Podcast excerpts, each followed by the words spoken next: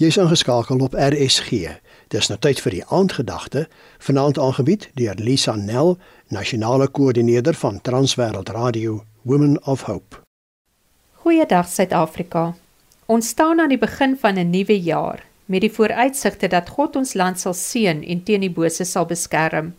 Ons verwag dat God die ekonomie aan die gang moet hou en vir elke gesin kos op die tafel moet sit. Maar ons vergeet dat ons ook 'n verantwoordelikheid teenoor God het. Wanneer ons aanspraak maak op die beloftes uit God se woord, moet ons bereid wees om sy standaarde en voorwaardes noukeurig na te kom. In Jesaja 43 vers 24 sê God: Ek belas jou nie met 'n maaltydoffer nie.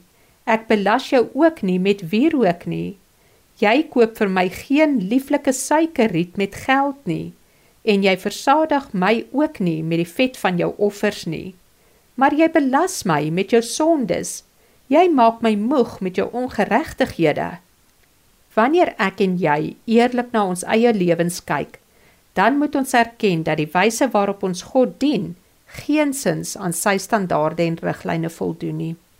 Alle verhoudings begin deur belangstelling te toon in die persoon waarmee jy 'n verhouding wil hê. Wanneer 'n verhouding vir jou belangrik is, dan doen jy die dinge wat die ander persoon belangrik ag en jy vermy die goed wat aanstoot gee en die potensiaal het om jou verhouding skade aan te doen of selfs te vernietig. Tog is dit nodig vir God om vandag vir sy kinders te sê dat ons gedrag 'n las op sy skouers geword het. Dat ons ongeregtighede God moeg maak.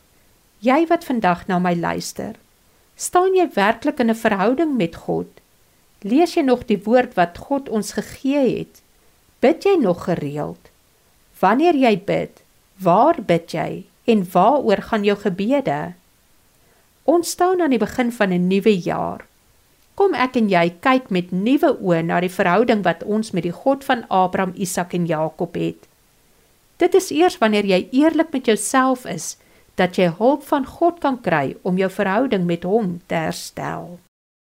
Dit was die aandgedagte hier op RSG, aangebied deur Lisa Nel, nasionale koördineerder van Transwêreld Radio, Women of Hope.